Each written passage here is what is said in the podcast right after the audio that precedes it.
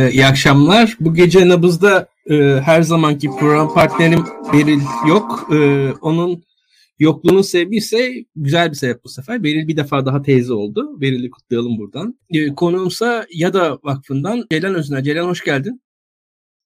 Yada Vakfı 2005 yılında Ankara'da kurulmuş bir vakıf. Ee, aslında e, daha çok araştırma temelli kurulmuş bir vakıf. Daha sonra İstanbul'a taşınmış. E, ben de başta dediğim gibi 6 yıldır e, Yada'da çalışıyorum e, iletişim sektöründen e, sivil toplum sektörüne ilk geçtiğim yer oldu. Yada'yla tanışmam sayesinde de böyle bir değişiklik yapmış oldum hayatımda. Ya da e, temelde sivil toplumun e, etki ve etkileme kapasitesini artırmak üzere çalışıyor. Hı hı. Bu da ne demek? Hem kararlar üzerindeki etkisini hem de kanaatler üzerindeki etkisini artırmaya çalışıyor. E, dolayısıyla bunu yapmak için de sürekli çalışma alanımız, içeriğimiz değişiyor e, ve Türkiye'nin e, sivil toplumunun o dönemki ihtiyacına göre içeriklerimizi, temalarımızı değiştiriyor. Belli bir temada çalışmıyoruz. E, ama birçok araştırma yapıyoruz. Özellikle toplumsal meseleler üzerine ve sivil toplumun gündemine girmesinin o dönem için iyi olabileceğini, ilgili olabileceği konular üzerine yapıyoruz. Örneğin işte gençlik üzerine yaptığımız çalışmalar var. E, geçen e, son iki yılda yaptığımız çalışmalardan istihdamda olmayan gençlerle istihdamda olan gençler arasında bir mesela kıyasladığımız bir Türkiye temsili araştırma yapmıştık. Yine gençlik konusunda Kürt gençler üzerine yaptığımız bir araştırma var Raves'le birlikte. Yaşlılık gibi birçok farklı mesele üzerine araştırma yapıyoruz. Bunun yanı sıra e, sivil toplumun üzerine de direkt e, sivil toplumla ilgili araştırmalar da yapıyoruz. Bunlardan da birazdan onların içeriğinden de bahsederim. En yakın dönemde yaptığımız e, bir diyalog haritalama araştırmamız var. E, bu da sivil toplumun kendi içinde özellikle diyaloğunun nasıl olduğunu ve diyalog biçimlerini irdelediğimiz bir araştırma. Aynı zamanda diğer paydaşlarla olan diyaloğunu da incelediğimiz bir araştırmaydı. Yine yakın zamanda e, içeriğinden biraz bahsederiz. E, sivil toplumun e, ulusal medyadaki e, görünümü, görünürlüğünü analiz ettiğimiz bir araştırma var. Yine araştırma faaliyetlerimiz arasında etki analizleri yapıyoruz. İşte var olan sosyal etkisi ya da çevresel etkisi olan projelerin etkilerini izlediğimiz bir takım e, araştırmalar yürütüyoruz. Bu özel sektörün yürüttüğü projeler, programlar olabilir ya da kamunun veya başka vakıfları, STK'dan yürüttüğü programlar olabiliyor. Araştırmalarımızın yanı sıra projeler, programlar da tasarlayıp yürütüyoruz ve bir takım modeller ortaya koyuyoruz. Yine amacımız aynı şekilde sivil toplumun e, etki gücünü artırmak. Bu projelerde aslında daha çok araştırmalardan elde ettiğimiz verilerin üzerine kurguladığımız şeyler oluyor. Yine işte e, etkisi yüksek etkiye sahip, sosyal etkiye sahip projeler yapmaya çalışıyoruz. Bir yandan da sosyal etki danışmanlığı verdiğimiz kurumlar da var. Hem özel sektörde hem büyük holding vakıfları gibi e, büyük vakıflara. Yine aynı amaç doğrultusunda bir takım modeller de üretiyoruz. Son yıllarda çok fazla üzerine durduğumuz sivil toplumun kutuplaşmasının ve bu kutuplaşmanın azaltılmasına yönelik yaptığımız çalışmalar arasında e, sivil toplumu birbirine görünür kılmak, Türkiye meselelerini sivil toplum gözünden görünür kılabilmek adına e, mesela e, sivil sayfaları kurmuştuk. Şu anda sivil sayfalar yadaya bağlı değil ama e, bunun gibi e, bir takım modeller ürettiğimizde e, oluyor. Şimdi şöyle söyleyelim. Şimdi bu yaptığınız araştırmaları bildiğim kadarıyla web sayfanızda bulabiliyoruz. Bulabiliyoruz evet. bir defa yani. İz, e, izleyiciler oradan devam edebilirler merak ediyorlarsa tek tek tüm araştırmalara. Bu araştırmaların arasında birkaçından istersen devam edelim. Bir, birincisi sivil toplum birbirini ne kadar tanıyor ve araştırmalarınızda şöyle bir şey de var. Sayılara bakılıyor. Sivil, bakmışsınız. Sivil toplum örgütlerinin yıllar içerisindeki ne kadar artış, ne kadar azalışlarını gözlemlemişsiniz. Onu enteresan bir şekilde gördüm sivil toplum örgütlerinin birbirlerine karşı olan birbirlerine güven konusunun önemli olduğunu düşünüyorum bir yandan da açıkçası. Onu, onları da araştırmışsınız. Böyle birçok enteresan araştırmanız var. Birazcık daha neler gördünüz peki bu araştırmalarda? Nelerle karşılaştınız? E, beklentilerinizi en azından beklentilerimizin ötesinde bir sonuçla karşılaştınız mı? Ve bunlar ister istemez de belli sorunların bir şekilde fotoğrafını çekmiş oldunuz. Bu sorunlar sizce neler? Ve bunlara dair de mesela neler neler önerdiniz diye de şekilde sormaya devam edeyim. Yani şöyle aslında son benim de burada bulunduğum süre boyunca 5-6 yıldır üzerine e, odaklandığımız konu diyalog. Bunu nereden e, yola çıktığımız anlatayım. Yine sivil toplum üzerine hem sivil toplum itibarı üzerine 2014, 15, 16 yıllar arasında e, araştırmalar var YADA'nın yaptığı. E, burada e, yine sivil toplumun etkisini analiz ederken aslında sivil toplumun, Türkiye sivil toplumunda iki tür bir içe kapanma hali tespit etmiştik. Buna neyi kastediyorum? Bir, sivil toplum kimlikler ekseninde kendi kimliğine kapanıyor. İkincisi de temalar ekseninde bir kapanma var. Yani sadece kendi çalıştığı konuya kapanıyor. Dolayısıyla ilki zaten e, siyasi kutuplaşmanın hani hem topluma yansıması hem sivil topluma yansımasının bir ürünü diyebiliriz. O, onun sonucu diyebiliriz. E, kendi içine kapandığı için kimlikler ekseninde ve dünya görüşlerinde bir araya geldiği için başka sivil toplum kuruluşlarıyla ya da kendi görüşünde olmayan diğer paydaşlarla bir araya gelmekte de geri duruyor. Dolayısıyla diyalog geliştirmiyor. Dolayısıyla etkisizleşmesine de sebep oluyor bu sivil toplumun. Diğer söylediğim tematik olarak içine kapanma ise e, atıyorum işte kadın kuruluşları yalnızca kadın meselesiyle ilgileniyor. Çevre kuruluşları yalnızca bir çevre meselesiyle ilgileniyor ve bir çevre kuruluşu bir kadın kuruluşta ne yapabileceğini aslında tahayyül edemiyor. E, aslında birçok meselede ortak kesen çok fazla şey var.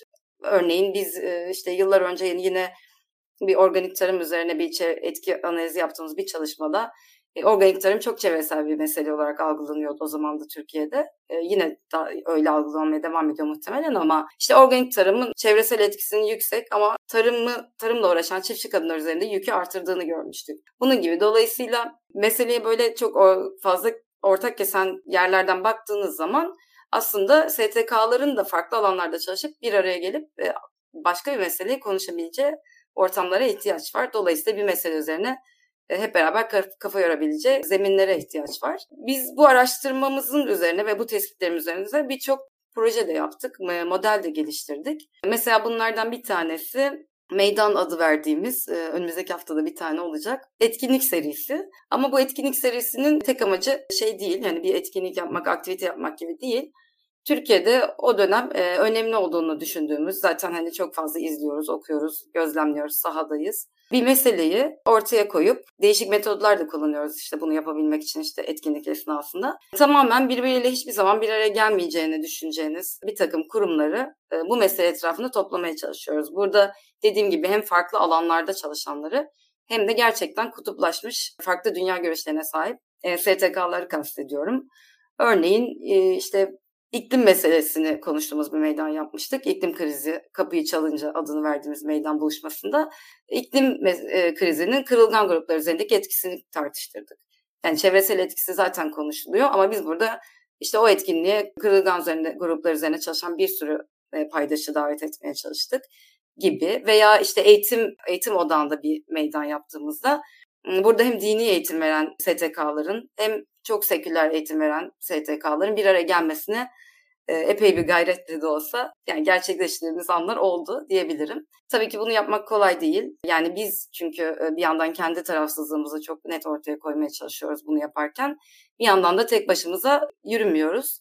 E, etrafımızda bir takım kanaat önderlerini, fikir liderlerini topar, toplayıp Onlara danışıyoruz. Onların kendi kitlelerini davet etmelerini sağlıyoruz gibi böyle şeyler. Yani araştırmadan çıktım yine şeye geldim ama e, yaptığımız bu araştırma üzerine çok fazla şey tasarladım çünkü. Aklıma gelen o oldu ama yakın zamanda yaptıklarımızdan da bahsedelim birazdan. Ya, şu an e, açıkçası bu yaptığınız zor bir şey. Çünkü Türkiye sert bir ülke. Türkiye'de siyasal tartışmalar sert bir şekilde sürdürülüyor. Yani burada bir parti desteklemek sadece bir partiyi desteklemek değil. Yani bir hayat tarzı seçiyorsunuz onun yanında belli şekilde belli kanaatler seçiyorsunuz. Yani şu anda açıkçası Türkiye'de herhangi bir kişiye sorduğunuz zaman hangi partiye oy veriyorsun?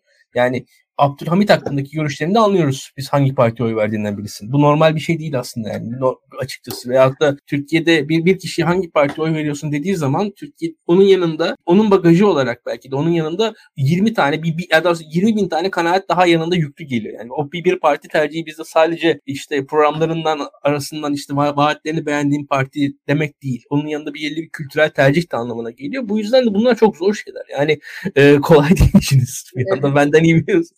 yani değil yani evet. E, çünkü bu kutuplaşma yani sadece Türkiye'de özgü değil biliyorsun. Yani dünyada da gerçekten siyaset kutuplaşmadan besleniyor çoğu zaman. Evet. Dolayısıyla toplumun kutuplaşması siyasete fayda sağlıyor bir şekilde yani çıkar olarak. Tabii. E, sivil toplum dediğinde toplumdan çok farklı bir yapı değil. Yani sivil toplumda bir yandan aynı şekilde o senin dediğin gibi işte parti seçmeni gibi STK'lar da böyle işte hangi STK'ya bağış yaptığına göre bile birbirini yargılayabildiğim bir şeyde yaşıyoruz. Peki partiden daha bağımsız bir şekilde de ben biraz Türkiye'ye dair düşündüğüm zaman Türkiye'de de bizim kültürümüzde yani devlet önemli bir e, yer tutuyor. Ve e, bizde mesela işte Türk modernleşmesini ele alalım. Yani bizde Türk modernleşmesi ya biz modern değiliz diye ortaya çıkmadı mesela. Bizim devletimiz geriliyor diye biz modernleştik yani açıkçası. Veyahut da yani devlet sonuçta fikir e, hayatımızın bile temelinde yer alıyor. Burada da sivil toplum ister istemez adı üzerinde bir şekilde devletin zıttı gibi bir noktada. Veyahut da siz belki bunun tamamlayıcısı olacağı yerler vardır. Devlette belki ortak çalışılabilir. Nerelerde çalışır bunları da düşünüyorsunuz. Bunları tasarlıyorsunuz aslında. Birçok yerde yapılıyor esasında. Ki dünyadaki uygulamalarından örnekler verdiğiniz raporlarınız var. Ben onlara da baktım açıkçası. Bu açıdan da Türk toplumunun devletle ilişkisi üzerinden de bakarsan mesela yaptığın bu sivil toplumda gördüğünüz şeylerde nelerin üzerinde durabilirsin? Devletle ilişkide mesela yani halkımız veya da sivil toplum örgütleri kendilerini devletin karşısında nerede görüyorlar ve devlet onları nerede sınırlıyor? Ne, ne, ne tür imkanlar aslında devlet üzerinden e, kullanılabilir, bulunabilir diye düşünüyorum. Devletle yakın olmak e, aslında bu şu an mevcut iktidarla da alakası yok. Türkiye'de her zaman e, STK'lar tarafından böyle işte e, yanlılık, taraflılık, işte Gongo STK falan gibi bir e, tanıma sebep oluyor. Halbuki devlet çok büyük bir karar verici. Yani devleti e, yanında olmak, onunla el ele onun dediklerini yapmak anlamına gelmemesi gerekiyor. O karar verici bir şekilde ulaşmanız gerekiyor. Bu devlet olsun, işte siyasi parti olsun, yerel yönetim olsun hepsi bir karar verici. Evet dediğin gibi STK'ların şey bir algısı var. Yani STK'lara yönelik şöyle bir algı var. İşte zaten devletin dediğinin karşısında durmalı. Zaten ona işte bir şey savunuyorsa devlet de aynı şey yapıyor olamaz gibi bir şey var. Algı var.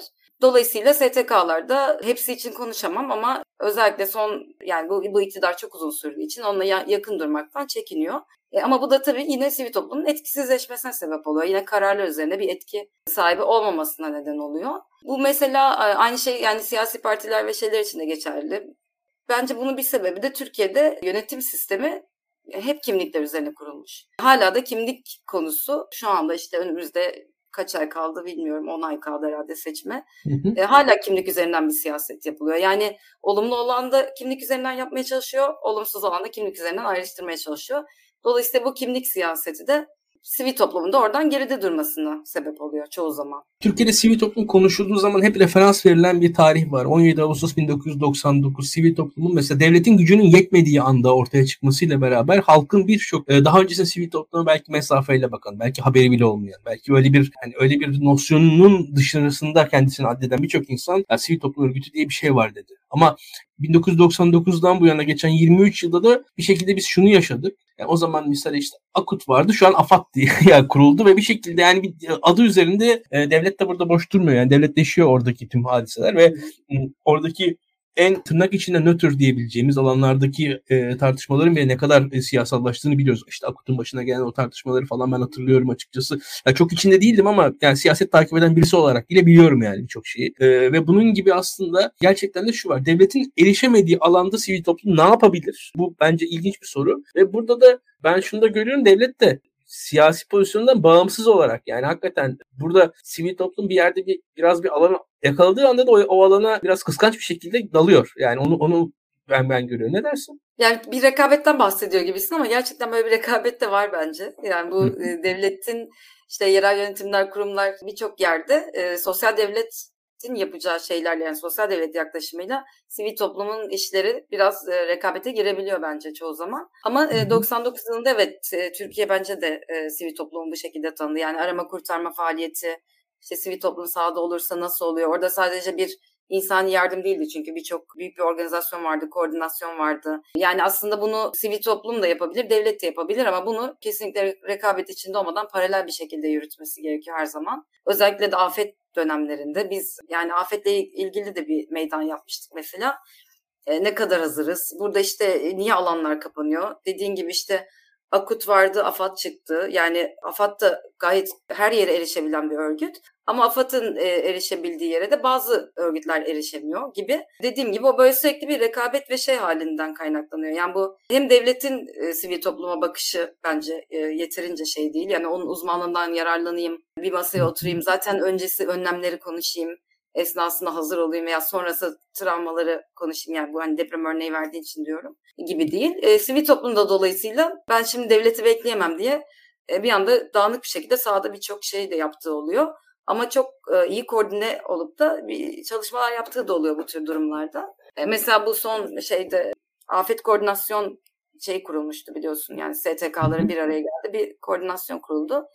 Yani orada da yine birbirine çok benzer kuruluşlar var. Yani oradaki benim eleştirim orada da muhafazakarlar ve sekülerler ayrı platformlar kurdu gibi bir şey oldu ama yine de önemli bir adımdı bence ve bu onun içine AFAD da girdi, işte Kızılay da girdi. Dolayısıyla gerçekten ılımlı bir dil, gerçekten mesele sadece tartışıldığında bence mümkün olabilecek de bir şey bu işbirliği. Yani devletten uzak durarak bir şey yapmanız mümkün değil yani en büyük karar verici. Dolayısıyla Doğru. devlette hangi dilde konuşulacağını, hangi meselesine destek olabileceğinizi, e, hangi yolla bunu yapabileceğinizi yaptıktan sonra bence e, birlikte mutlaka çalışılmalı.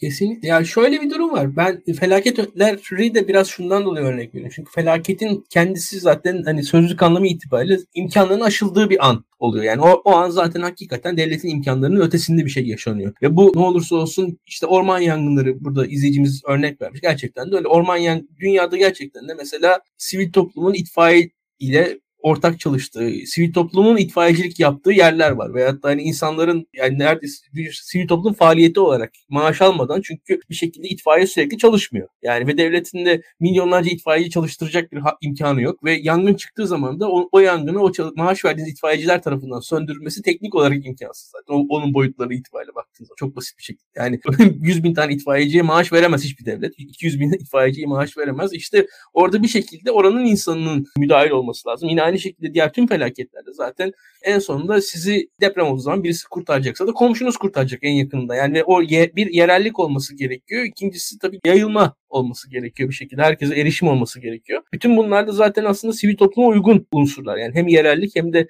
yatay erişim açıkçası. Ve bu açıdan benim açımdan hani fe- felaketleri biraz hoş bir konu değil ama yani direkt aklıma gelen bir şey buydu. Yani sivil toplumun öyle ya da böyle içinde olması gereken bir şeyi bize gösteriyor diye düşünüyorum ben. Bunun dışında tabii devletin gücünden bahsettik. Biraz biraz istersen şeye de geçelim. Burada bir noktada sivil toplum örgütleri kendilerini içine kapanıyorlar dedim. Yani ve gerçekten de hem bu içe kapanmanın biraz boyutlarını görmek lazım. Çünkü e, bu içe kapanma mesela devletle diyalog kurmamalı noktasına mı geliyor? Yoksa sivil toplum örgütleri sadece kendilerini hayatta tutmaya çalışacak bir şekilde kozlarına çekilmiş bir noktadalar mı? Şöyle söyleyeyim biraz daha bu son günlerdeki araştırmalarımıza doğru gelelim. Yani bir şekilde karar alma süreçlerinin ne kadar içerisinde, ne kadar dışarısında, devlette ne, nereden dokunabiliyor, nereden e, etki edebiliyor.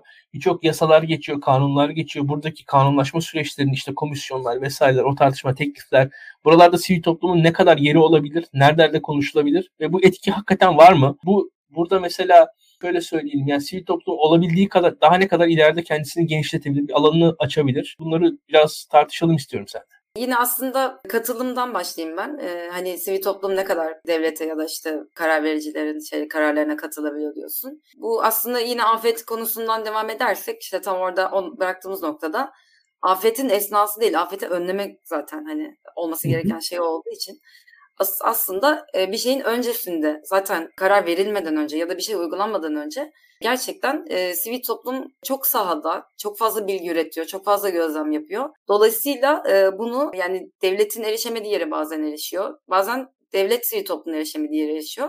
Dolayısıyla bir araya gelip gerçekten belli meseleleri tartışılabildiği, sivil toplumun uzmanlığını oraya aktarabildiği, devletin de yapabileceklerini sivil topluma anlatabildiği bir karar mekanizmasına ihtiyaç var. Gerçekten katılımcı bir karar mekanizmasına ihtiyaç var. Ama bu tabii e, Türkiye'de giderek daralan bir alan. Yani Türkiye e, özellikle bu işte başkanlık seçimine yani sistemine geçildikten sonra bütün karar mer- şeyi çok merkezileşti. Yani eskiden hani e, bakanlıkları ne, ne bileyim sivil toplum çok bakanlıklarla işbirliği yapıyordu. Çünkü bakanlıklar belli konuları sahiplenmiş, o konularda çalışmalar yürüten ve sivil toplumla işbirliği yapan kurumlardı.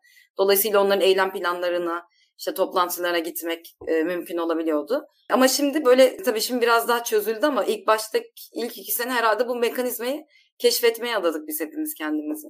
Yani bir işte Cumhurbaşkanlığı politika kurulları kuruldu, onun altında bakanlıklar yürütücü oldu, işte e, yerel yönetimler var onlar tamamen bağımsız gibi davranıyor gibi böyle karar merkezi çok merkezileşti ama kararlara katılım noktasında da bir yol aramaya başladı herkes. Belli bir sene sonrasında bence hani yerel yönetimler biraz biraz bu sivil toplumun kararlarına e, daha açık hale geldi. Ama o da biraz hani değişen yerel yönetimler işte onların e, yerelde kurduğu STK'larla ilişkiler bazıları da hala göstermelik olduğunu düşündüğüm şeyler de var. Dolayısıyla hem merkezi hem yerelde hem mahalli gerçekten bu sivil toplumun kararlara katılımı için e, bir mekanizma ciddi böyle şeffaf, adil ve sistematik bir şeye ihtiyaç. Bir gün bir şeyin başkanı değiştiğinde o mekanizmanın bozulmamasına ihtiyaç var. Bu çünkü hani her şekilde Türkiye'de çok işler üzerinden siyaset veya işte karar merkezlerine gelindiği için o kişi gittiği zaman sizin projeniz yok oluyor gibi bir durum var. Bu gerçekten önemli bir şey. Biz işte buradan hani yakın zamanda yaptığımız bugün de biraz konuşacağımız araştırmaya gelirsek zaten bu araştırmayı yapmamızın sebebi de buydu. Yani bütün işte sivil toplum kuruluşlarıyla konuşuyoruz, kendimiz görüyoruz. Karar mekanizmalarının kapıları bize kapandı gibi böyle herkes daha çok içine kapanmaya başladı. Halbuki sivil toplum inanılmaz bilgi üretiyor. Özellikle bu geçtiğimiz pandemi döneminde biz de bir, bir sürü araştırma yaptık. Başka bir sürü araştırma yapıldı. Her konuda bilgiler üretiliyor ama bu bilgileri nereye taşıyacağız gibi bir şey var. Ee, biz de buradan yola çıkarak aslında sivil toplumun yani siyaseti de bir karar merkezi olarak görmeye başlamasının önemli olduğunu düşündük. Burada bir kapı aralandığını hissediyoruz, görüyoruz. Bu kapı özellikle de işte seçim dönemine yakın zamanlarda bu kapılar iyice açılıyor.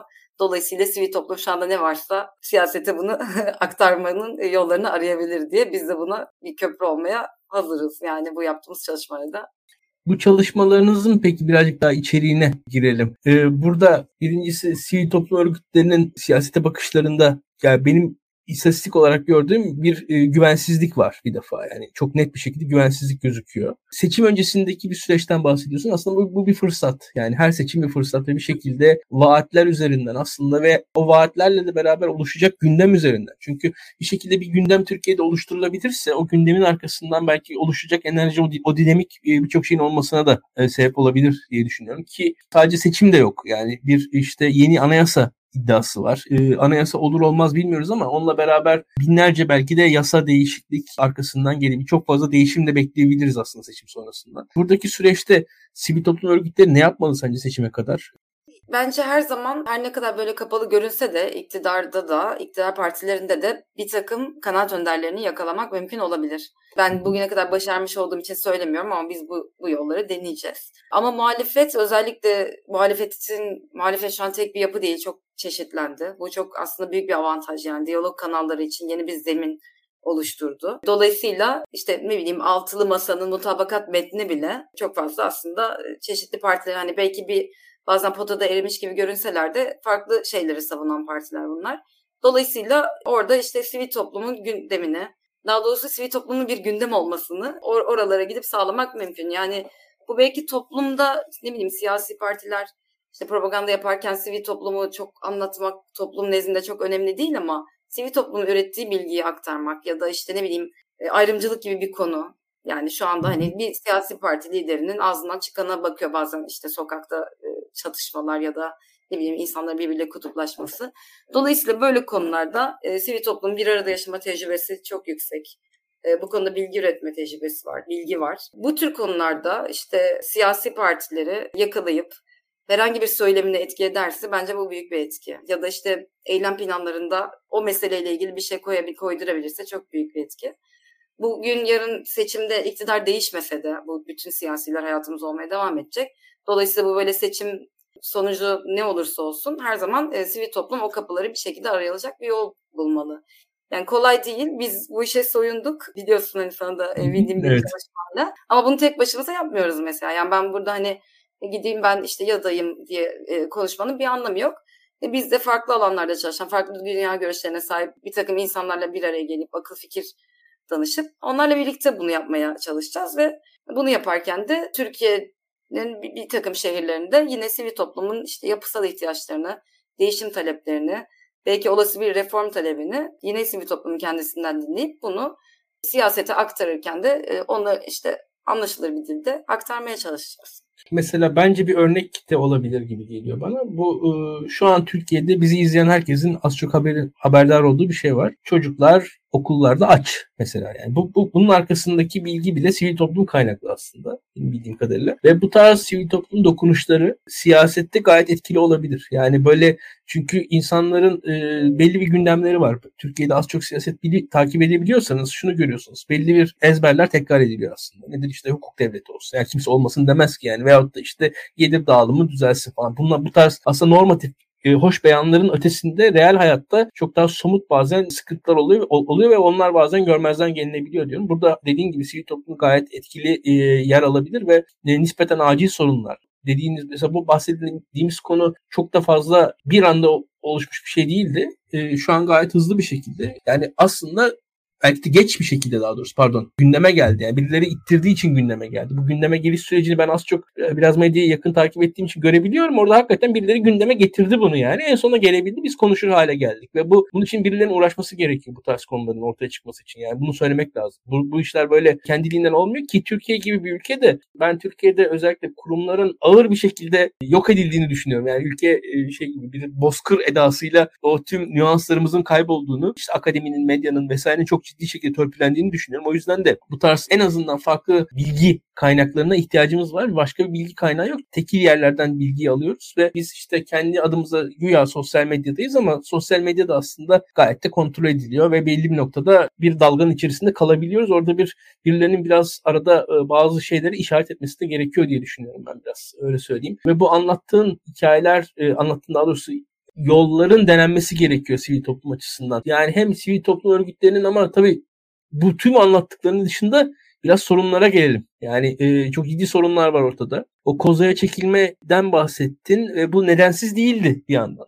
Onlara değinmek ister misin? Yani tabii yani bu hani benim bahsettiğim o iki tür içe kapanma hali belki yine geçmişten geliyor ama bu gitgide işte özellikle de bu 15 Temmuz sonrası işte o hal sürecinden sonra hı hı. kapanmalar, davalar, sonra gezi davaları gibi birçok şeyde sivil toplum inanılmaz kriminalize edildi. Zaten toplum da sivil toplum böyle algılıyor STK'ları. E, dolayısıyla büyük bir baskı altında herkes. Yani bunu yapmak hani niye yapmıyor STK'lar diyebilecek bir durumda değilim ben de. E, bunu sadece yapmanın başka yollarını bulmaya çalışıyoruz. Çünkü bu kadar baskı altında kriminalize edilmiş bir ortamda gerçekten bir şeyi yüksek sesle söylemek zor. Yani bugün yoksulluk mesela çok dediğin gibi çok önemli bir gündem Türkiye'de ama bunun e, tek sebebi ekonomi değil. Yani bu yoksulluğun arkasında yani kalıcı bir ayrımcılık yatıyor. Aslında zaten sürekli ayrımcılığa uğrayan kesimler sürekli katlanarak yoksul olmaya devam ediyor ve ekonomi patladığında şu anda daha kitlesel bir yoksulluk yaşıyoruz Türkiye'de. Ama bu nasıl gündem oluyor? Yine senin dediğin gibi işte ekonomi, rakamlar yani medya, buradan medyaya geleceğim. Rakamlar, işte enflasyon falan gibi konuşuluyor ama aslında yoksulluğun arkasındaki gerçekten sebeplere bakılmıyor. Bunu sivil toplum bakıyor ama bunları topluma anlatamıyor. Çünkü medya bağımsız değil. Yani bugün sizin gibi tematik kanallarda ben burada bunu anlatabiliyorum ya da başka birileri. E bu ama kitlesel olarak e, ne kadar yayılıyor işte ya da ne bileyim gerçi işte Twitter falan çok böyle dar bir kesim gibi geliyor ama sonra işte sokakta herkes onları konuşuyor. Bence STK'ların yani sivil toplum itibarsız görünmesinin en büyük sebebi de medyaya erişemiyor olması, kitlesel bir şekilde meseleleri anlatamıyor olması topluma. Biz zaten bununla ilgili de bir araştırma yapmıştık. Yani STK'ların medyadaki, ulusal medyadaki görünümüne baktık. Tamamen işte var varsa da işte kriminalize edilmiş e, ya böyle çok e, dehşet tablo falan gibi başlıklarla veriliyor. Dolayısıyla böyle herkese çok negatif bir algı var STK'lara yönelik. E, bir de tabii e, şey her zaman dekoratif bir özne. Yani işte bilmem ne başkanı, bilmem ne STK'sını ziyaret etti falan gibi haberlere rastlanıyor. Yani medyadan sivil topluma yönelik pozitif bir algı geliştirmek gerçekten zor. Dolayısıyla e, bizim ürettiğimiz bilgiyi kitlesel olarak medyadan ulaştırmak da çok zor. Yani bir şey değişecekse biz hani bununla ilgili de muhtemelen bir şeyler yazıp çizeceğiz. E, çünkü yani e, siyasilere, sivil toplumla ilgili bir şey değişim talebinde bulunacaksak medyanın bağımsızlaşması en büyük taleplerden biri olacak muhtemelen. Ki herkes gerçekten doğru bilgiyi, meseleleri gerçekten arka planıyla alabilsin. Medya çok temel bir sorun herhalde. Türkiye'de sivil toplum tartışmaları sanırım 70'ler sonu 80'ler başıyla başladı. Ondan beridir sivil toplum belki tırnak içinde kelime olarak ilk yıllarında daha olumlu bir e, konotasyonlara sahipti benim gördüğüm kadarıyla ama giderek neredeyse olumsuz konotasyonlara sahip olmaya başladı ve Türkiye'de bahsettiğin gibi bir defa iş bir şey noktasında. Yani bizim sivil toplum işin sonu bir, bir yerden sonra sivil toplum bir finansmanına geliyor. Oradan da o noktaya geldiğiniz anda da bir yukarıda yukarıdan finanse edildiği zaman fon alacaksınız. Aşağıdan finanse edildiği zaman bağış alacaksınız. E şimdi veyahut da kendiniz ticaret yapacaksınız. o zaman da e, bir şekilde ne yapacaksınız? Yani orada tüm yaptığınız şeylerin sonucunda ister istemez bir şekilde bir e, kimliğe hapsolmuş oluyorsunuz. Ve burada da Türkiye'de bu tüm aslında finansal kaynakların hepsinin kendilerine has belki de problemleri vardır. Yani bu problemler yok deme, demek de doğru olmaz ama bu problemlere karşı çözümler var aslında. Bu çözümleri anlatma konusunda, burada normları oluşturma konusunda da sivil toplumun kendisine uğraşması gerekiyor diye düşünüyorum. Burada ben işte biz mesela daktilo olarak da biz bunları yaşıyoruz açıkçası. Yani mesela işte fon alıyorsunuz. Tüm yaptığınız çalışmalar açıkta. Mertebeler açısından da çok da aslında minimal şeyler ve e, burada ahlaken tartışılır bir noktada bir hareket de aslında yapılmış durumda değil ama onun kendisi yetiyor kriminalize etmeye ve onun kendisi aslında illegalmiş gibi sunuluyor. Çünkü aslında medyada kurulan dille alakalı. Yani onun ötesinde bağış alsanız o, o belki de belki fon aldığınızdan daha da tehlikeli hale gelecek neredeyse. Çünkü kimden bağış aldınız, nasıl bağış aldınız vesaire. E, Türkiye'de işte 15 Temmuz yaşandı darbe girişimi. Yani onun sonucunda zaten e, bir şekilde e, tüm sivil toplum orada bir kendini yani bir şekilde insanlar negatif bakmak durumunda kaldılar yani sivil toplum. Darbeyle özdeşleşmiş durumda sivil toplum o açıdan neredeyse. Ve bu kavrama çok fazla iki yani çok çok ciddi sıkıntılar var. Yani ve bir itibar meselesi var. Onun dışında iktidarın da kendi sivil toplum örgütleriyle mesela bakıldığı zaman biz siyasal tartışmalarda neler, nelerden bahsediyoruz? İktidarın iktidara yakın sivil toplum örgütlerinden bahsediyoruz. Daha bugün mesela işte ana muhalefet partisi lideri işte New York'ta bir sivil toplum örgütünün bir işte binası var şimdi orada teknik olarak bakıldığı zaman. E şimdi o binanın maddi kaynakları falan o da muhalefetin ana konularından bir tanesi ister istemez. Şimdi ve bu tartışmanın sonucunda şöyle bir şey var. Oradaki sorun e, bir şekilde bir yandan da sivil toplumun da sorunu haline gelebiliyor. Yani sonuçta insanların algısında sivil toplum böyle şeyler yapan bir yapı. Öyle bir algı oluşuyor ister istemez. Siyasal tartışmanın hepsinde bir tarafta bir grup sivil toplum işte darbenin yanında. Bir grup işte iktidarın en büyük şey e, yandaş şeyleri onun o, o darbe yapanlar yerine kurulmuş iktidarın STK'ları var resmen tam anlamıyla. Onlar da onu finanse ediyorlar. Ve tüm finansmanlar tartışmadı. E şimdi hatta yani Türkiye'de bence kamuoyu nispeten daha fazla bilse mesela Afrika'da harcanan paraları falan filan iyice o zaman kızacaklar. E, e, tüm bunlar üst üste geldiği zaman hakikaten çok zor yani. Bu, bu algı nasıl düzelecek bilmiyorum. Ben gelecekten bir toplum açısından çok iyimser değilim. E, sen ne dersin? Yani bilmiyorum. Yani aslında biz bu işte son yaptığımız e, sivil toplumun siyasetle olan ilişkisini incelediğimiz şeyde de bu mesele çıktı. Yani sen toplumun mesela sivil toplumu nasıl anladığını anlatıyorsun. Emin ol siyasiler de aynı şekilde algılıyor. Yani işte e, bir ne bileyim bir sürü işte milletvekili ya da başka bu anlamda kanaat önderliği de görüşmeler yaptık bu araştırmada. Sivil toplumu tanımlarken sadece görünür yapılar üzerinden tanımlıyor. Görünür dediğimde böyle işte herkesin bildiği 3-5 tane yer üzerinden tanınıyor. E, ya da tamamen işte zaten sivil toplum dediğin işte siyasi gücü elinde bulan, bulandır, bulunduranların meşrulaştırma aracıdır. Çünkü zaten devlet bugüne kadar iktidar ya da e, ona şey yapmış yani senin işte devletle yan yana olan işte Gongo diye e, konuşulan e, STK'ları görüyor.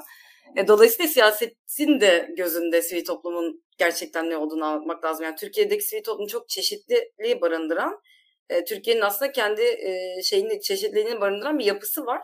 Ama e, herkes sadece görünür yapılar üzerinden bir e, yargıya varıyor. E, yani bilmiyorum ben e, gelecekten e, umutsuz değilim. Umutsuz olsam bu işi yapmam. E, dolayısıyla e, mecbur yani biz çaba sarf etmeye devam edeceğiz ama e, gerçekten bu medyada mesela fon meselesi dedin. İşte sivil toplumda şu an kendi içinde bile foncular ve fon alanlar almayanlar diye bir ayrım var. Yani fon almadan sadece gönüllü bir şekilde yürütmeye çalışan STK'lar var. Daha çok yerel STK'larda bu algı var. E, ama yani o zaman da hani kaynak kısıtlı olunca zaten e, başka işlerin yanı sıra bunu yapıyorsun. E, kaynak olduğunda daha fazla iş yapabiliyorsun. Yani her şey kaynağa bağlı değil ama kaynak ciddi bir e, şey alan açıyor. E, dolayısıyla bu hem toplum tarafında böyle işte bazı medya kuruluşlarının yaptığı foncular falan diye haberlerden sonra bir sürü STK'ya denetim geldi ve bu denetimden hiçbir meşru zemini yok, hukuki zemini yok. E, tamamen işte orada adı çıkmış bilmem nereden fon alıyormuş falan. Yani o kadar çok düzeltilmesi gereken şey var ki ama e, düzeltilebilir bence hepsi. Yani fon meselesini anlatmak, sivil toplum ne iş yapar, sivil toplum kimdir? E, Türkiye'de STK deyince yani 150 bin tane STK var. Öyle düşün. Yani hepsi aynı işlevde ve şeyde etkili anlamda söylemiyorum ama tüzel kişilik olarak hem de böyle. E bir de sivil toplumu sadece tüzel kişilikler değil. E, enformal yapılar, platformlar, kooperatifler bu, bütün bunlarla değerlendirmek gerekiyor. Bilmiyorum geleceğini ben şöyle görüyorum. Bugün yani herkeste Türkiye'de çok büyük bir değişim arzusu başladı. Herkese demeyeyim ama çok büyük bir kesimde başladı. Tabii. Ee, biz mesela bu yeni çalışmamızdan kime bahsetsek e, sen de biliyorsun ki işte e, sivil toplum olarak siyasilere işte taleplerimizi iletelim, değişim taleplerimizi dediğimizde evet ya gerçekten çok iyi olur. Yani çünkü herkes bir kapı arıyor. Dolayısıyla ben bu değişimi arzulayan bu kadar kanaat önderi var olduğunu görüyorsam demek ki e, bir şeyler de değişebileceğini düşünüyorum. E, ama ne olur yani bu, bu seçim bir hani ne bileyim bir hedeftir. Ama seçim bittikten sonra da devam edebilir. E, bilmiyorum birçok yerin değişmesi lazım. Yani Türkiye'nin yönetim mekanizmasının kapsayıcı olması lazım. İşte medyanın bağımsız olması lazım. E, sivil toplumun özgürce hareket edebilmesi lazım. Hatta siyasetin alanının bile genişlemesi lazım. Yani bugün bizim yaptığımız araştırmada en çok e, önemsediğimiz çıktılardan biri. Sivil alan daraldı. Evet bunu herkes kabul ediyor ama siyaset de daraldı deniyor gerçekten muhalefet işte e, sokaklara çıkamıyor, engelleniyor, ne bileyim işte, sosyal bir yardım yapacak o yardımı bağışlar engelleniyor gibi birçok bir şey var. E, ama her şeye rağmen e, bence bu değişim arzusu bir belli bir sinerjiyi ve belli bir aklı, ortak aklı da e, getirecektir diye düşünüyorum. Kesinlikle. Şimdi e, sivil toplum konusunda belki de şöyle de şunu da eklemek lazım. Mesela bazı toplumsal kesimler sivil toplumculuk yapmaya daha e, mütemayiller. E, bir şekilde kendilerinin öyle alışkanlıkları var diyelim. Mesela işte bir yerlere bağış veriyorlar. Veyahut da işte hemşeri dernekleri kuruyorlar. Bir şekilde bir araya geliyorlar. Siyasetin bir şekilde kenarında, yamacında olmayı istiyorlar. Bir şekilde örgütleniyorlar. Fakat bir yandan da toplumun bu da bu şekilde örgütlenmeyi bilmeyen kesimleri de aslında bu diğer kesimlere karşı bir en azından bir rahatsızlık, en azından bir bir mesafelerinin olduğunu düşünüyorum bir şekilde. Yani aslında e, toplumun örgütlenen kesimleriyle örgütlenmeyen kesimler arasında da bence bir sıkıntı var bu şekilde. Burada mesela özellikle belki maaşlı memur çalışanlar çok fazla bu işlerin içerisine girmeyelim diyorlar ve bir şekilde bu işlerin içerisinde olanların da buradan nemalandığını düşünüyorlar. Belki de nemalanıyorlardır onu da söylemek lazım. Yani ve Orada da şu yaşanıyor ister istemez. Bunun dışında kalanlar burada bir rant alanı var. Burada bir şey var. Burada bir haksızlığa uğruyoruz biz. Ve bu, bu hiç olmasa daha iyi. Devletimiz olsun, kuralları koysun. Her şey ona göre gitsin istiyor insanlar da bir şekilde. Yani orada böyle söyleyeyim. Yani sivil toplum alanı ben biraz seninle orada belki de ayrıştığımız noktalar da vardır. Yani toplumsal kesimler kendilerini o alanda gösterip hani farklı farklı e, toplumsal kesimler sivil toplum alanında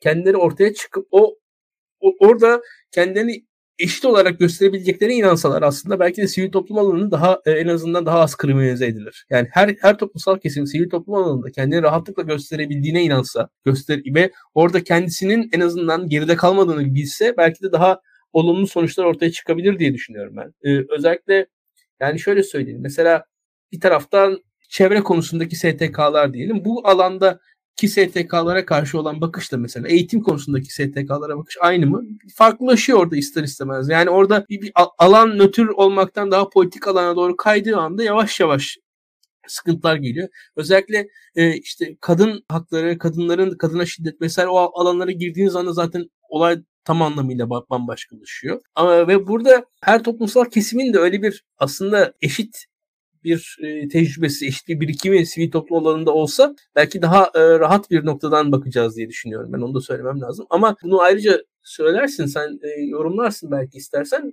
Bir de şunu da söylemek lazım. Seçimler ve seçimler sonrasında da şunu görüyoruz aslında. Şu an Türkiye'de mesela işte İstanbul Sözleşmesi'nden çıkılmasını konuştuk. Türkiye'de uzun sürelerde. Birileri de İstanbul Sözleşmesi'nden çıkılsın diye sivil toplum faaliyeti yaptılar yani aslında bir taraftan da. Onu, ya ve bu şunu gösteriyor e, siyasal ajandaların belirlenmesinde sivil toplumlar çok etkili olabiliyorlar. Yani Türkiye'de bu mesela festival yasaklarından bahsettik. Şimdi festival yasaklarından Türkiye'de bahsedildi. Festivaller yasaklansın diye uğraşan o yerelde bayağı STK'lar var aslında bayağı. Bu, bu böyle bir tecrübenin e, Türkiye'deki mesela seküler kesim farkında bile değil. Orada bir grup insan uğraşıyor, didiniyor onlar için yani açıkçası. Orada bir o, çaba enteresan bir STK sivil toplum çabası e, gibi aslında ve ama o çabanın muadilinin de olabileceğini ya aslında kendisinin de uğraşıp başka bir şeyler elde edebileceğini veyahut da kendi siyasal fikirlerini, kendi politik inançlarını, kendisinin sosyal konumunu, hayat tarzını aslında sivil toplum faaliyeti yaparak belki daha iyi savunabileceğini bilmiyor insanlar. düşünüyorum ben. Ve o alanı yani o alan olmasın. O alanın dışında sadece devlet olsun ve devlet kurallarını koysun. Ondan o, o alan öyle sınırlansın. Çözümü orada görüyorlar. Aslında tabii şu anda büyük hayal kırıklığı devlet de ellerinde değil. Ne yazık ki orada da kalıyor ortada bir yani yalnızlık ve e, depresyon hali diye düşünüyorum birazcık kendi adıma. Bilmiyorum fazla mı yorumladım ne dersin?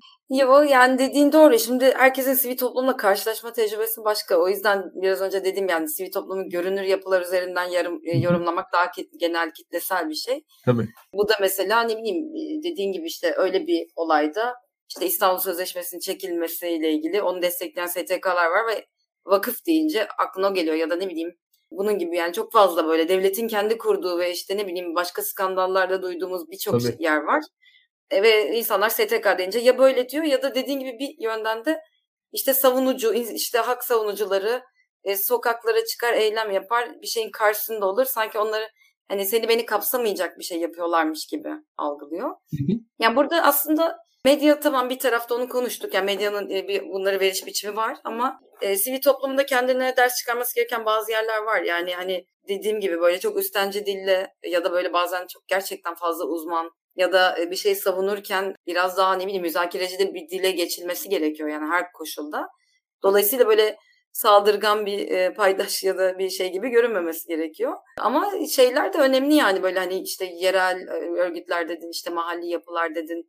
Yani sivil toplum işte o kadar çeşitli ki aslında yani yerelde mahallede Tabii. başka bir konu e, işte ne bileyim çok büyük işte Türkiye'nin meseleleriyle ilgili çalışmalar yapanlar başka bir konu. Yani bu sen mahalli örgütler deyince aklıma şey geldi. Bu bizim yaptığımız son araştırmada da siyasiler zaten siyaset ve sivil toplum birbirini yeterince kesinlikle tanımıyor. Yani bunu net söyleyebilirim. Yani bu yaptığımız araştırmada herkes başka bir şeyden bahsediyor ve birbirini tanımadığı için bu oluyor. Ee, siyasiler mesela en çok hemşire dernekleriyle görüşme halinde ve işte iş, ilişki halinde. Dolayısıyla ben onlara sivil toplumla ilgili bir şey sorduğumda bana şey diyor zaten sivil toplum dediğin, STK'lar dediğin işte siyasi kariyer hedefliyor. O yüzden bizim de iletişime geçiyor diyor. Şimdi onun e, irtibatta olduğu dernekler böyle olabilir. O bütün sivil toplum böyle görüyor yani. Dolayısıyla herkesin gözünü bir yere kapanmış durumda. Yani toplum da gözünü bir yere kapıyor. STK'lar da kapıyor. Siyasette yani ve devlette. Yani bu ayakları bir araya gerçekten getirmek gerekiyor. Yani hepsinin işlevinin ayrı olduğunu hatırlatmak gerekiyor. Yoksa mesela hemşeri dernekleri bugün gerçekten daha böyle etkili yapılar haline gelebilir. Çok iyi mahalli dertleri, kararları taşıyan yapılar haline gelebilir. Ama böyle bir yaklaşım yok Türkiye'de ama neden olmasın? Ee, onlar üzerinde de çalışılabilir bence. Tabii. Pekala. Tabii tabii yani, yani bir hemşire derneği de açıkçası bir ekolojik mesele hakkında gayet konuşabilir. Ee, ve evet. bu, bu dediğin çapraz ilişkiler özellikle o tarz dernekler içerisinde bence gayet etkili olabilir diye düşünüyorum. Ee, bunun dışında yaptığınız araştırmalar bağlamında veyahut da senin eklemek istediğin özel bir alan var mı acaba bütün bütün bu söylediklerimizin yakınında, içerisinde, çevresinde? Yani şey dediğim gibi bu son yaptığımız e, araştırmada yani e, çok böyle şaşırdığımız sonuçlar elde etmedik. Yani siyaset ve sivil toplum ilişkilerini incelediğimiz Hı-hı. araştırmada ama e, bu konunun gündeme gelmesi için yaptık ve bence yapacağımız önümüzdeki çalışmalarda da iyi bir zemin oluşturdu tartışmalara. E, dolayısıyla buradan hani öne çıkanlarda az önce dediğim gibi siyaset ve sivil toplum birbirini tanımıyor. Hı hı. E, işte siyasetin sivil toplum üzerindeki etkisinin daha fazla olduğu düşünülüyor. Bu da dediğim gibi zaten kutuplaşma gibi şeylerde yansımalarını Tabii. görebiliyoruz. Kaynak konusunda sivil toplumun kırılgan hale geldiğinde konusunda herkes hemfikir. Yani bunu gerçekten bir değişim olacaksa devlet teşvikleri de olabilir. Fonların eşit dağıtımından tut da şeffaf bir şekilde, adil bir şekilde dağıtılmasına kadar gerçekten e, ciddi bir kaynak dağıtımla ilgili düzenleme yapılmasına ihtiyaç var.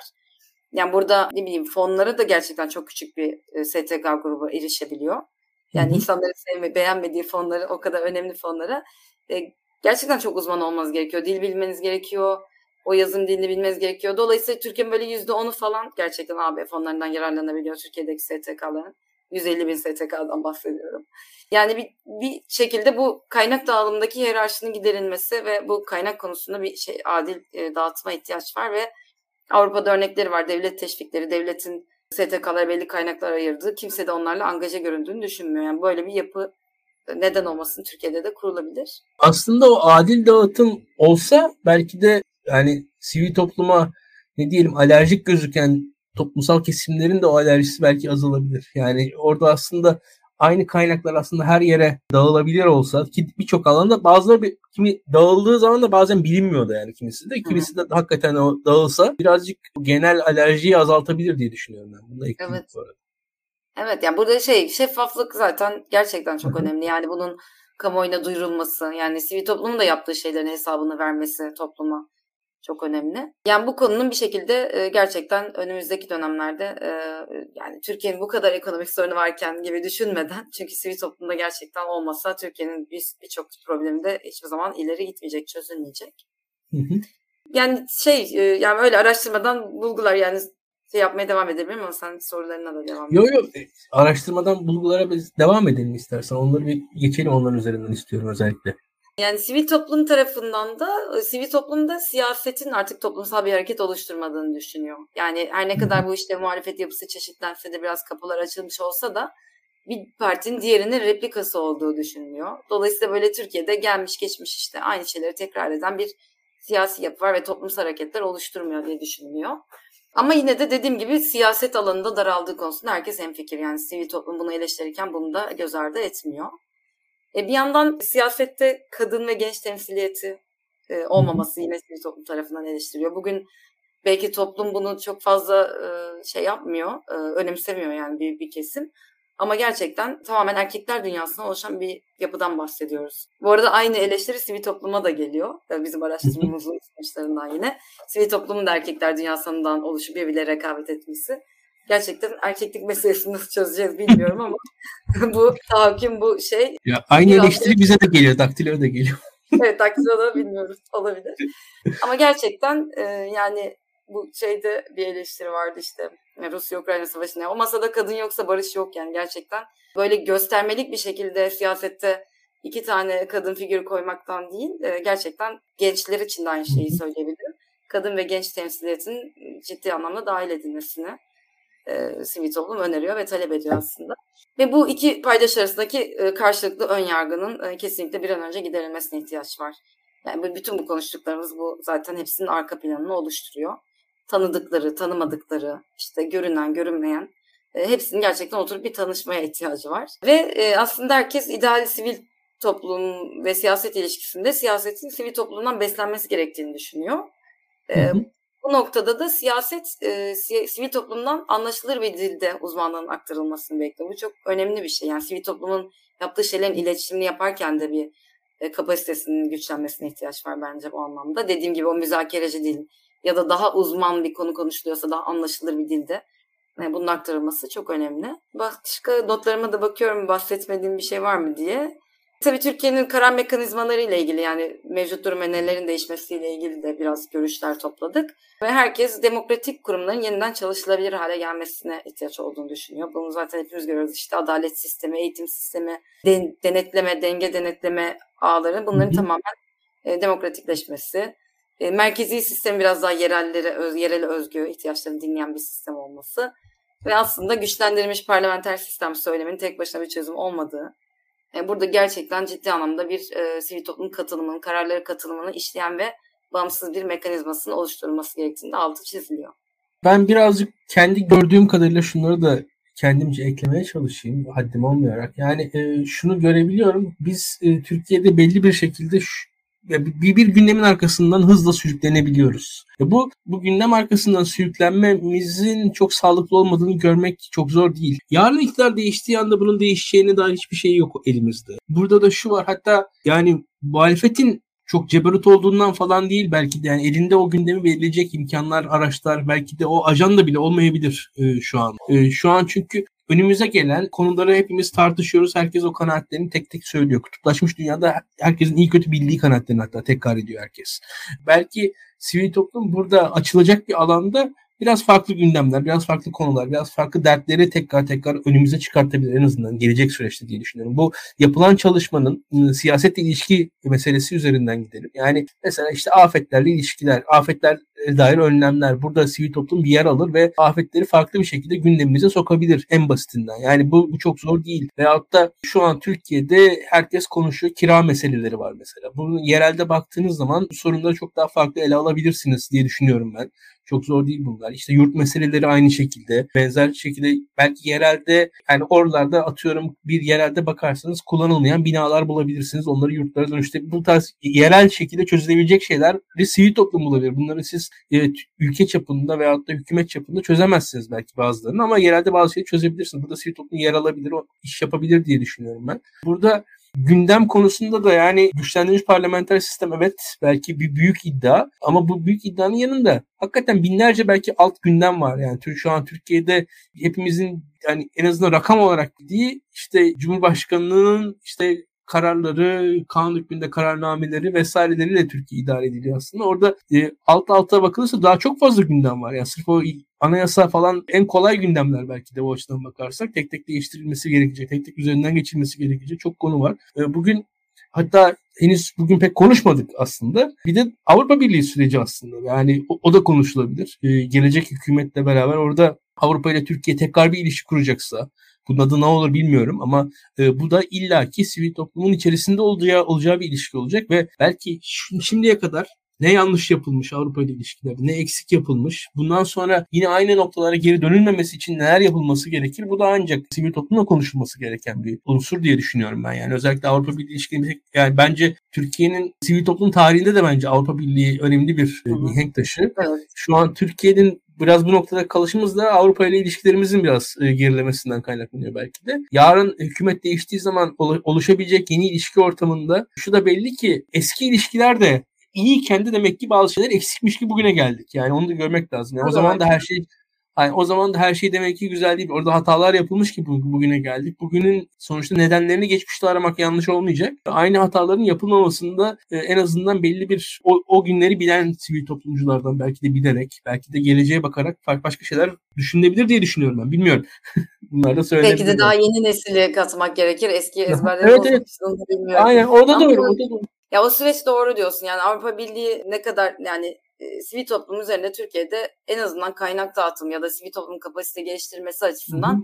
bence önemli katkıları olan bir yer yani. Avrupa Birliği şu son yıllardaki gerilimden dolayı zaten kaynaklarını da kısıtladı Türkiye'ye yönelik. Ve hı hı. sivil topluma başka kaynak da çok fazla bir yerden gelmiyor. Dolayısıyla ben o ilişkilerin e, en azından biraz demokratikleşme için, biraz o katılı mekanizmalarını, biraz örnekleri oradan almak için önemli olduğunu düşünüyorum. O ilişkilerin de kesinlikle yeniden inşasına ihtiyaç var ve sivil toplumun katılımıyla bunu yapılması gerekiyor. Birkaç ay sonra tekrar görüşürüz buralardaki yayınlarımızda. Tamam. Birazcık daha raporlar şeyler yerleşsin. Kendi kendimizi önümüzü görelim. Ondan sonra tekrar izleyicilerimizle her şeyi paylaşırız diye düşünüyorum ben. Bu gece seni ağırlamaktan dolayı ben çok mutlu oldum. Senin söyleyecek son sözün varsa. Yok. E, teşekkür ederim. Gayet keyifli bir sohbetti. Dediğin gibi devamını konuşuruz. Konuşacak çok fazla şey var. Bu çalışmayla ilgili de, sivil toplumla ilgili de ben her zaman katkı verebilirsem e, her zaman yer almak isterim. Yada'dan Ceylan Özüner'le e, sivil topluma biraz yukarıdan bakmaya çalıştık. E, sivil toplum hakkında e, elimizdeki verilerle konuşmaya çalıştık. Sivil toplum eksiklikleri, avantajları, imkanlarını konuştuk aslında. Ve geleceğe dair de belli ihtimallerin hayallerini kurduk beraberce diyelim. Gecelik bu kadar. Haftaya nabızda tekrar görüşmek üzere. İyi geceler. Hoşçakalın.